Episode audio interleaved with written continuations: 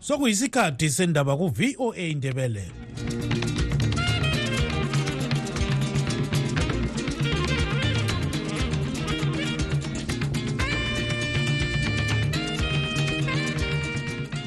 lami ngithathe leli thuba ngibonge utano nokawande obesipha indaba ngolimi lwesishona.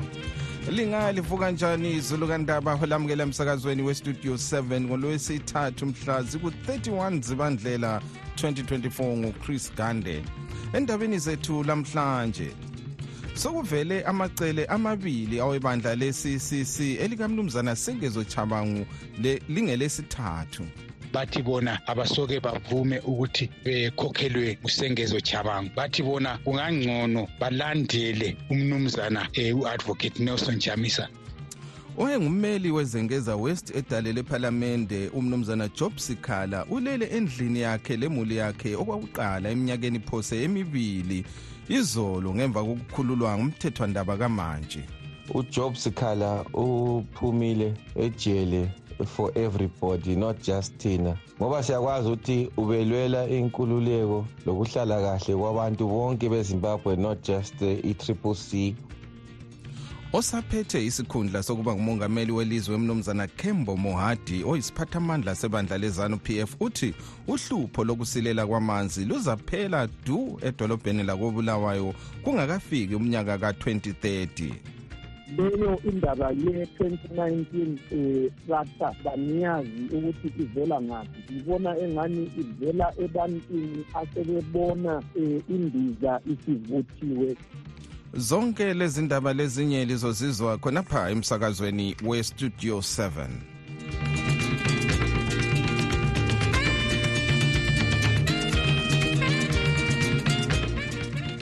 sokuvele amacele amabili awebandla le-ccc elikamnumzana sengezo chabangu lingelesithathu. Kulexuku elikhokhelwa ngababe ngabasekeli bakamnumzana nelson chamisa abathi umnumzana welshman ncube umnumzana tendai biti lo nkosazana linet karenyi kore leli xuku lithi lizakhetha umkhokheli lamuhla emhlanganweni ozenzelwa eharare kuthi elinye lilabo mnumzana promise mkhwananzi umnumzana jameson timber labanye abakuxuku elithiwa ngama-citizens national assembly kumbe cna umnumzana chabangu yena elokhu ekhokhela icele lakhe elithiwa yi-interim committee kobulawayo izolo bekulequku labasekeli abasakhulayo besithi bona bafuna umnumzana nelson chamisa aphenduke azoba ngumkhokheli wabo sixoxele isikhulumeli sebandla le-ccc kobulawayo umnumzana swithan chirowoza ukuthi usungulwe ngubani? Hayi lokho angisatholanga kibo. Kodwa iningi khanya eh engingakutsho yikuthi eh imbangela eh ikuhlukuluzwa usokwenza amalunga e-citizens coalition for change ngulo othiwa ngusengezo ozenza yena unobhala jikelele webandla eh le-ccc nxa bona bekhuluma bathi khona umuntu lo useyenza into eziningi ezingekho emthethweni eh uhulumende evuma nje. Njalo bathi bona abasoke bavume ukuthi bekhokhelwe ngusengezo chabangu bathi bona kungangcono balandele umnumzana um u-advocate nelson jamisa kulokuthi basebenze ngaphansi kukasengezo um chabangu ye ngithe ngizidlulela namhla emahofisini egertrude mthombeni maduzaneni lo-third avenue lapha kontuthu ziyathunqa. Ngabona wona ama-youth ontanga abe-ccc bebheja besithi bona sebechile i-citizens coalition for change. Bathi bona balandela umnumzana u-advocate nelson chamisa njalo bathi kulezi nsuku kagqoki um impahla eziyiyelo um sokuyinjayelo ukuthi behlale bembone egqoke zonezi eziluhlaza okwesibhakabhaka njalo bathi sebelingisela yena njalo bazaqhubeka belingisela yena ngoba um bathanda yena. Kabathandi ukuthi um belandele usengezo jabangu ngoba bathi uletha umbusazwe olobandlululo um olonketha ebechabe njalo ongananzi amalungelo eh, abantu bonke abasemhlanganweni. Yikho engingakutsho yikho engikufakazileyo namhlanje mfowethu. Sizwa kuthiwa amahofisi ebandla athe vuka lamhlanje atholakala ependiwe. Umbala oluhlaza okwesibhakabhaka iblue. Kuhamba njani ngamahhovisi la? Njengoba sesizwe kuthiwa ngawe MDCT ekhokhelwa umnumzana Douglas Monzora. Hayi thina ngingatsho ukuthi eh ulwazi sibili okwakathesi eh, lufitshane kodwa esikwaziyo ukuthi abantu ade bebhadala ihofisi leyo eh bayazakala. Abantu ade bebhadala amanzi bebhadala eh, eh ugetsi eh abantu laba bayaziwa. Njalo eh awuzange ube labantu bakaMontsura ababuye ehofisini bezobhadala eh amanzi mbeni ugetsi so nxa kufunakala amabizo kutsho ukuthi sengiyathatha ke isikhathi sami ukuthi ngihambe eh lapho okwathengwa khona indlu ngikhangele ukuthi ngekabani. Kodwa engikwazi kathesi ukuthi ababhadala amanzi ababhadala ugetsi abantu abayaziwayo eh njalo bengabantu abasebenza lo mnumzane u-advocate nelson jamisa lo-ke ngumnumzana swithan jirotsa isikhulumeli sebandla le-ccc kobulawayo. Ubekhuluma icingweni lestudio 7 ekhonale kobulawayo. Kunjalo nje sixoxe lozithi ngumgciningcebo webandla le-ccc kuxuku elisekela umnumzana chabangu umnumzana mbuso siso.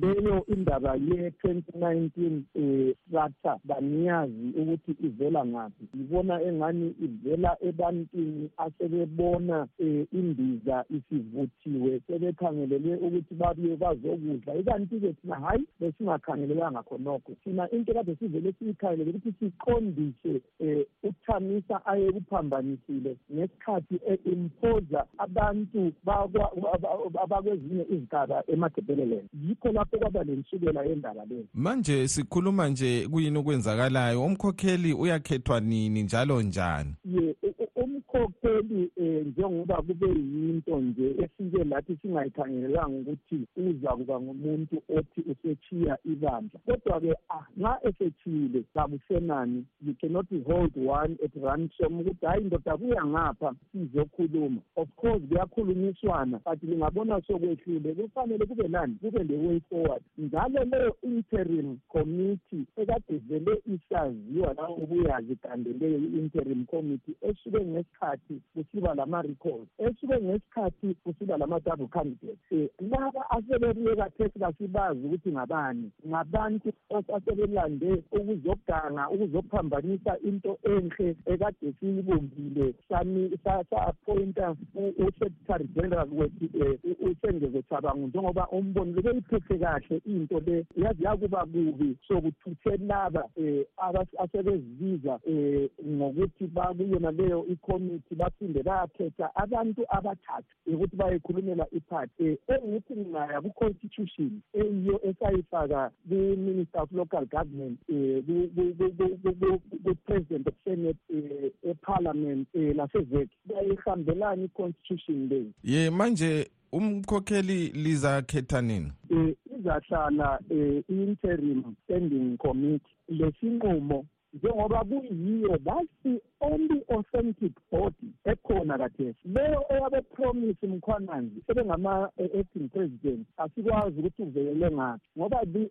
only steering committee that formalized the party is the steering committee that I belong to and the steering committee that Sabango belong to. Uh, and leyo congress oyibozayo iza kuba khona singahlala ubaba usengeze Sabango izalandela i-constitution eyokuthi simbize sizohlala laye phansi silungise lokhu okade kugobile angitsho nalapha kade phambanise khona mhlawumbe uyengwe ngabanye abantu akade esesebenza labo esethiya um laba akade eqale labo um leyo hearing um standing committee kodwa engakuthembisa khona yikuthi yebo ye i-congress izakuba layo singahlala phansi. And njengoba sokulama-event ona lawa sefikile ukuthi hhayi ipresident usenjani? Usethile. Sokuzamele sihlaleni phansi udiscusse whether we are going to have an acting president or sizakuba yona le i-standing committee i-interim standing committee izacontinua i-working committee. Lokho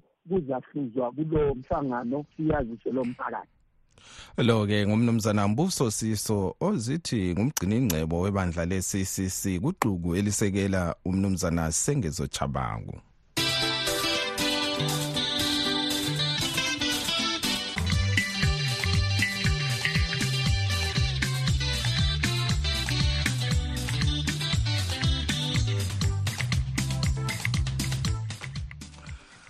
owayengummeli wezengeza west edalele ephalamende njalo elilunga le-ccc umnumzana job sikhala ulele endlini yakhe lemuli yakhe okwakuqala eminyakeni phose emibili izolo ngemva kokukhululwa ngumthethwandaba kamantshi. Umnumzana sikhala ufunyanwe elecala lokutshotshozela udlakela lomunye wakhe umnumzana godfrey sithole njalo betheswa isigwebo sokupika okweminyaka emibili.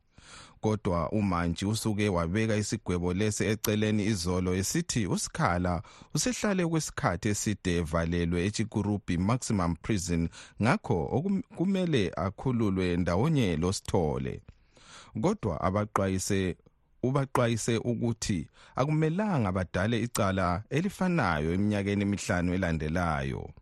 Usikhala uphuma ejele ibandla lakhe likhanya selidabukene phakathi kulandela ukukhalala komkhokheli walo umnumzana Nelson Chamisa. Yena wazise ngeviki edlule ukuthi usephumile kubandla le-CCC untungamili nkomo westudio 7 uxoxe lelunga laleli bandla umnumzana Tim Moringai into esijabulisayo namhla ukuthi uJob Sikhala uphumile ejele for everybody not just thina. Ngoba siyakwazi ukuthi ubelwela inkululeko lokuhlala kahle kwabantu bonke bezimbabwe not just i-triple c or abantu abe-opposition bonke. Siyabonga lathi ukuthi ujaji low ubone kumele ukuthi aphume ejele usikhala uphuma ngesikhathi ibandla leno ibandla lakhe le-triple c selidabukene phakathi. Ubona ngani kuzamphatha njani lokho?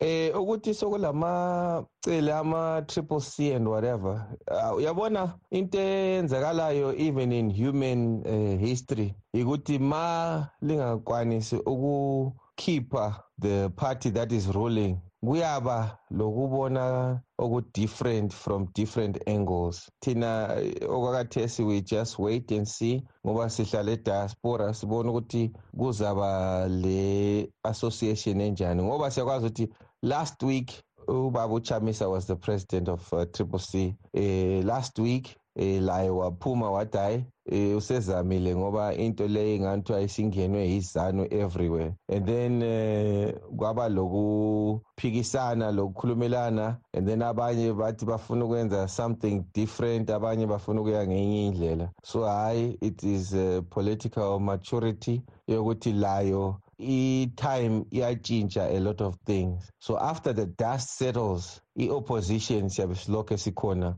Ukuthi sikhiphe yona le izanu p f enganithwa ibambelela izimbabwe yonke eh, a free and uh, fair way of living. So hayi hayi singazikhathazi okuningi because siyakwazi ukuthi even in families kuyaba lama-disagreements. Abanye babona ukuthi bahamba so abanye bahamba so but at the end of the day uh, the one goal is to remove zanu p f. Asikakukhohlwa lokho but sizalungisana and then everything will be okay.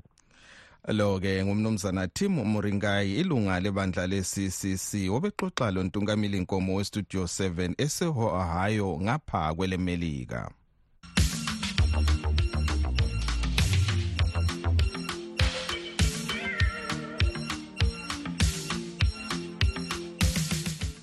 osaphethe isikhundla sokuba ngumongameli welizwe umnumzana Kembo Moati oyisiphathamandla njalo sebandla lezanu PF uthi uhlupho lokusilela kwamanzi luzaphela du edolobheni lakobulawayo kungakafiki umnyaka ka-2030 ngoba uhlelo lwemathephelele Zambezi Water Project solusemaphethelweni ubekhuluma amazwi la kuthange embuthanweni wokukhankasela umnumzana Joseph Chuma owebandla lezanu PF oncintisa kukhetho lokudinga uzamela isigaba sephelandaba chabalala edale lephalamende ngomgqibelo ozayo. Kodwa umsekeli kasodolobho wakobulawayo umnumzana Edwin Dlovu uthi ithemba labo likuhlelo lokwakhiwa kwedamu le-insiza njalo kule nkampani esivumele esivumile ukwenza lokhu oluzathatha kuhlelo oluzathatha umnyaka owodwa kuphela. Utshele usithandekile mhlango studio 7 ukuthi bazibonela ngwawabo amehlo ukuthi uhlelo lwemathebhelele Nzambezi Water Project aluphuchi lamuhla. Ngomnyaka ophelileyo singamakhansela kobulawayo sahamba safika egwayishangani sabona. Kodwa-ke sithi thina njengedolobho lakobulawayo eh i-long term ngesilungu i-long term. Eh plan yokuletha amanzi kobulawayo aso short term kumbe i-medium term hatshi long term ngoba bangaqeda phela ukwakha leli damu eh sigcina ukufika beseliyakhiwe ngesilungu esingathi 70 percent. So kusele ukuthi baqedise i-30 percent bese kusenziwa ke i-pipeline ezasuka ke egwayishangani buye izofika kobulawayo. Sikhangelela njalo ukuthi indawo liyana isi-low lying okutsho ukuthi indawo ephansi ukuthi nxa amanzi esedonswa esebuya kobulawayo kuqansile kuzadingakala njalo le new pumping system. Sithi thina-ke hatsho kwakathesi kalisoze lusiphangisele alisoze-ke lisolve amaproblem esilawo ngokuswelakala kwamanzi kobulawayo. Yikho-ke sesithe sesithole o-private investor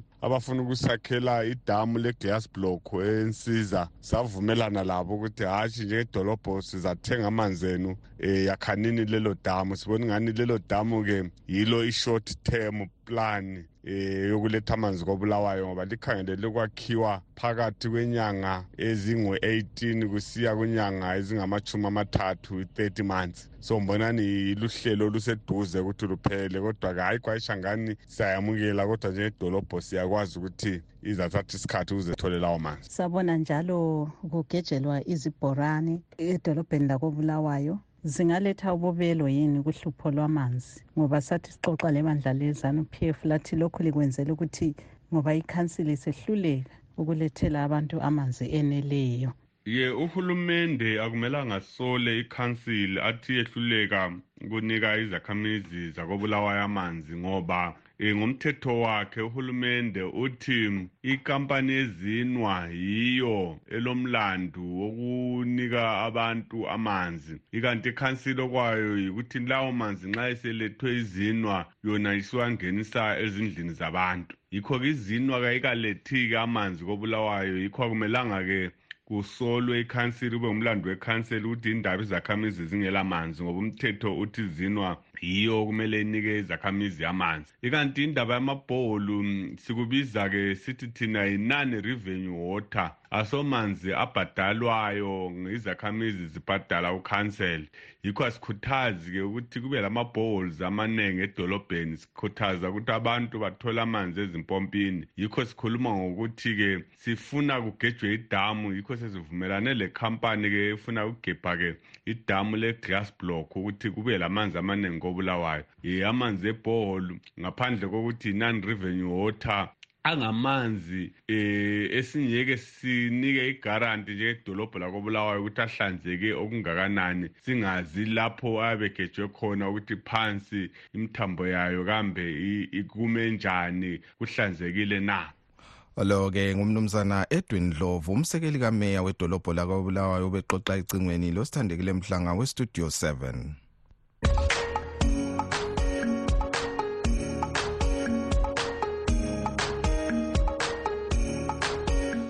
okwamanje sengidedela emuva ngilichiya ezandleni zenu lina balaleli bethu. Kumbono wenu elisithumele nge-whatsapp.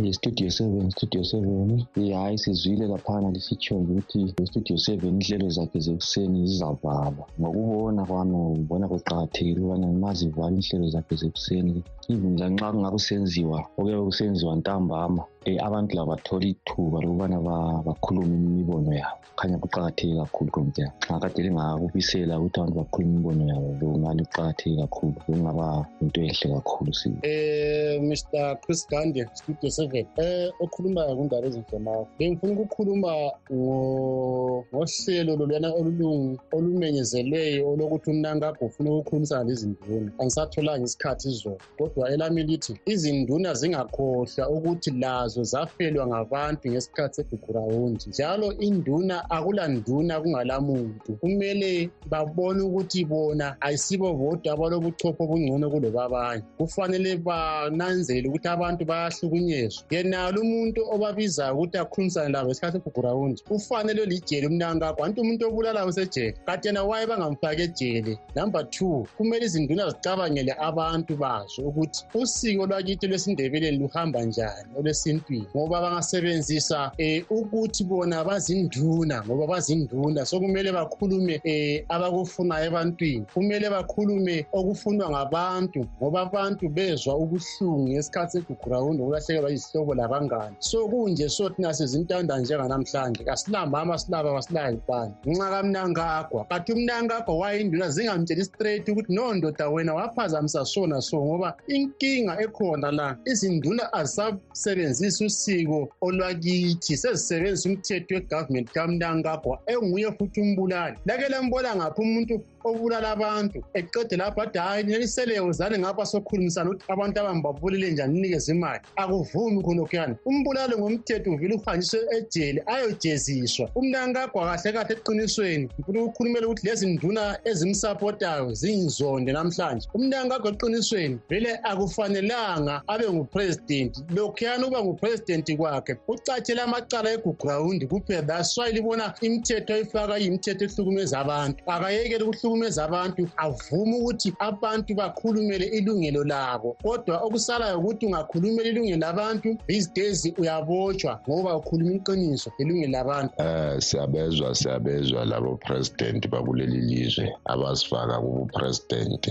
abasingenisa abathatha amandla ngodlame. Namhlanje bazibiza ngupresident ma bethi bafuna ukuthula ukuthula lokhu thina bakufunayo asikuboni ngoba kuyibona abantu abasihlukumezayo kakhulu. Kodwa bajike bathi bafuna ukuthula eh, ezweni so thina sesithuliswa nje ngenye indlela esingayi-understandiyo. Ma sikhuluma amaqiniso or sikhuluma amalungelo ethu bathi sinodlame. Asikuboni konke khona lokhu thina um okwenzakalayo. And ukuthula lokho angeke ze kuze kusebenze. Basezizilima kakhulu. Basihlukumeze baqede basithulise bathi hhayi sifuna ukuthula thulani lingahlukumezani. Kanti bona kungani bona bangavele babona iplani ukuthi bona um batshantsha isystem yonke yelizwe ngoba vele singaphansi kwencindezelo yethu. Ma singathi sivusa amakhanda bathi asithuleni singabangudlame. So akusiyo into esiyikhangeleyo thina singabantu bendawo. Ukuthula lokhu abakudingayo angeke kube khona futhi akunadlame um umuntu wenza udlame um njengabo. Yibo abadala udlame kuqala. Mase babona ngathi sesiphakamisa amakhanda siyabaphendula bathi um thina sinodlame. Udlame alukho kuleli lizwe. Udlame oludalwe yibo. Since iminyaka eminingi kangaka benza udlame baqeda basithulise ngenkani. So akusona izilima nathi ukuthula siyakudinga kodwa sifuna amalungelo ethu um sifuna nozimele wethu. Kuleli lizwe. Studio seven studio seven. Hawu saze sajabula lathi singumthwakazi bathi sisazi ukuzwakala kwele melika lathi sikhuluma. Okanje-ke kudala besingazwakali bekuzwakala bona laba abavela khona ngale endaweni liyana bekade besaziwa ukuthi bakumele bakhulume bezwakala emarediyweni nathi sesikwazi ukuzwakala singumthwakazi. Heyi sibonge kakhulu indaba zona esinikeza zona ezimnandi noma nje kodwa zingamnandi zonke. Heyi ngingene phezu kodawulo kwababa usikhala hhayi ubaba usijabula kwababa usikhala lubuhlungu kakhulu. Yazi umnankagwa wayi gcina ubaba usikhala ejele. So mina into engiyibona umbono wami. Umnankagwa uyazi ukuthi ubaba usikhala unempande zakhe azaziyo ezikamnankagwa ukuthi ziziphi ezimpande zakhe ezinkulu. Othi uma engamkhupha ejele uzoziquphuna impande zakhe umnankagwa lezo two njalo umnankagwa naye uyamazi ubaba usikhala ukuthi yena udangerous kanjani. Udangerous kanjani ngoba nje bebesebenza nje kwezombusazwe nje lo ngubhekhi nje besondelelene khona ngale ukuthi uyazi kule information eningi umnankagwa ayaziyo ngobaba usikhala ukuthi how dangerous he? Ma engamkhupha laphana ejele lijongo sikamakepe sileli likhumbayo ngomdluli. Siyabonga. Sanibona sisi sanibona abasakazi bami abahle ithokazi omuhle bestudio seven hawu ngasenda amarekhodi nje ngoba sikhuluma sathi lutho nje ngamasimba nje kuphela bashaya abantu ba-abuse abantu into yabo asikuphila lokhu asikuphila especially nalabo lokhu ngalogawula bakhe. La zabantu lezi abafuna ukushiswa lezi abantu igazi labantu liyavuka and basazonya bazoba nabalaleli bakithi ngithanda nje ukuthi ngihlala edabeni ngibonge kakhulu ubaba washburn ube ngibonge kakhulu ubaba utenda ebithi ngokungazihlanganisi lensila ungahlanganisi ledoti labantu abenza into abangayaziyo ukuthi benzani. Um ostock sweet labo baba labo amakhanda amakhulu opitbull face ngenxaphanxapha inxushunxushu ubuxhophoxhopho baba babenzayo ukuba lobuselesele abantu abazicabangela bodwa ubuselfish thatha imali befake esikhwameni zabo kodwa ukuthi izimbabwe iyafa befuna ukusebenza thina amandebele ngobuwula babo. Siyabonga bakitsho ngokuthi liyale nabadala libabili ukuthi alingeni udoti lo into zabantwana amadlwayi. Hhayi mhlawumbe iyobuya ibe khona inkokhelo esindebele mhlawumbe izobuya ku-mrp vele njengoba silomthwakazi thina ngoba vele thina silomthwakazi wethu. Asinani nani ndinabo kodwa nje into esingayifuniyo ukuthi linobuphutbhulu lizenze ngathi hlakaniphile ubuphitbhulu uchabango salani-ke lephatheni litshele-ke likhumbuze nalabo abangani benu labo osiguqu ukuthi abake beyekele indaba yabo ukuba lokhu behluphana nochamisa bethi uchamisa kwamele aboshwe ngemali yase-amerika edlayo ini ini. Yeyi bona badla imali zasechina lezi elizidlayo chabango njengoba selanona selilezihlathi nemikhaba ngemali elokhu echina elidlayo litshontshisa amavoti li-capture amakhosi lisenza zonke izinto elizenzayo chabango hhayi-ke leyo mali leyo iyafana naleli idlayo lila kukhona imali futhi yashikhulunywe ngufoma president mugabe ukuthi um yadliwa ayikwazi ukuthi ayakuphi ayiqale kubuzwe yona andubana kuzobuzwa le kachamisa. Futhi uchamisa leyo right ayidli ngoba lina echina laphiwa ama-sanction nawaphiwa imali danko? Ehlala injalo studio seven studio seven studio seven mbingelele kustudio seven. Ya isinqumo esithethwe ngushamisa sihle kakhulu ukuthi athinto ezilombangazo phakathi ezilochabango uchabango lo udlala ezanu kahle kahle wathengwa uchabango wathenga uchabango ethengela ukuthi isizwe sezimbabwe sihlupheke njengamanje isizwe sezimbabwe egoli siyatshiswa imihla nemihla kungekho sizathu uchabango baze basihluphekisa ezimbabwe chabango akodwa libambe lingatshoni chabango salibonani basakazi bestudio seven yalibingelela labalaleli. Hayi siyabezochabango uma bekhuluma labophugeni uyekela uwashman ncibethi ngamandlwana into zabantwana. Uqinisile. Vele ma bekhuluma uyezwa la ukuthi bayadlala sibi benza amafanis kuma nje babe besithi benza amafanis beyala lefesi kachamsa bayakwazi ngoba babi. Uphugeni imlomo ibomvu uchabango vele uwonyeni. Ubani abangamfaka vele olayithayo? So ifesi liyana nje besaba ukukhuluma iqiniso ukuthi hayi undoda muhle lo. Yikho simfuna la. Sebefuna ukwenza amafanis bethi ye ngathi ngupresident wephathi ekabani khathesi kunje liyamlandelela libe lisithi wabalekela iphathi wabalekela lachi i-mdc yafa labuya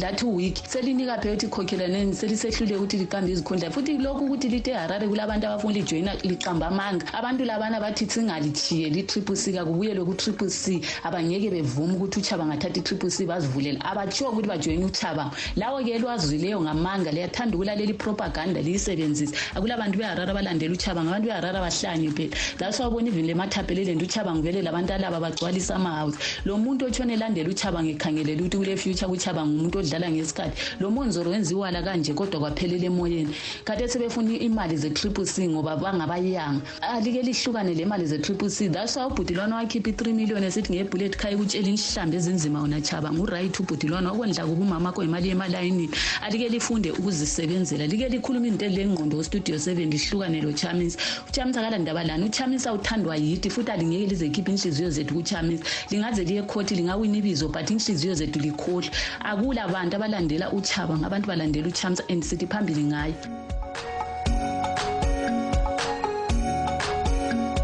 lawo ke bekungamazwi enu lina balaleli bethu elisithumele ngewhatsapp kunombolo zethu ezithi plus 1 202 465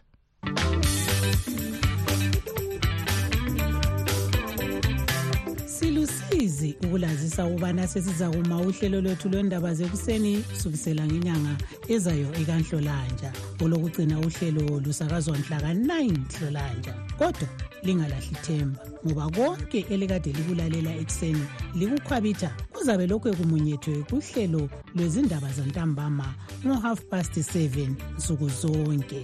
Sikhumbuzane sihlobo ukubana lanxa ungakhuthwa luhlelo lwezindaba luka-half past 7 ntambama. Ulakho ukululalela lapho soluphindwa ngo-half past 9 ntambama lango-half past 11 ebusuku. Siyalibonga ngokuqhubeka lisekela inhlelo zethu ze-studio 7 eye-voice of america. Isikhathi kasisavumi ukuba siqhubeke sisonke kodwa singakehlukani ke sikhangele ezinye zenhloko zendaba ebezikhokhela. Oh njengokutsho kwami isikhathi lokuthi siliphe ukuthi bekulani? Asisavumi silugqiba ke lapha uhlelo lwethu lwalamhlanje abangenelisanga ukuzwa indaba zethu lilakho kuyabulenjini ku www.voaindebele.com olivalelisayo nguChris Gande ngisithi asidibaneni njalo kusasa sikhathi sinye.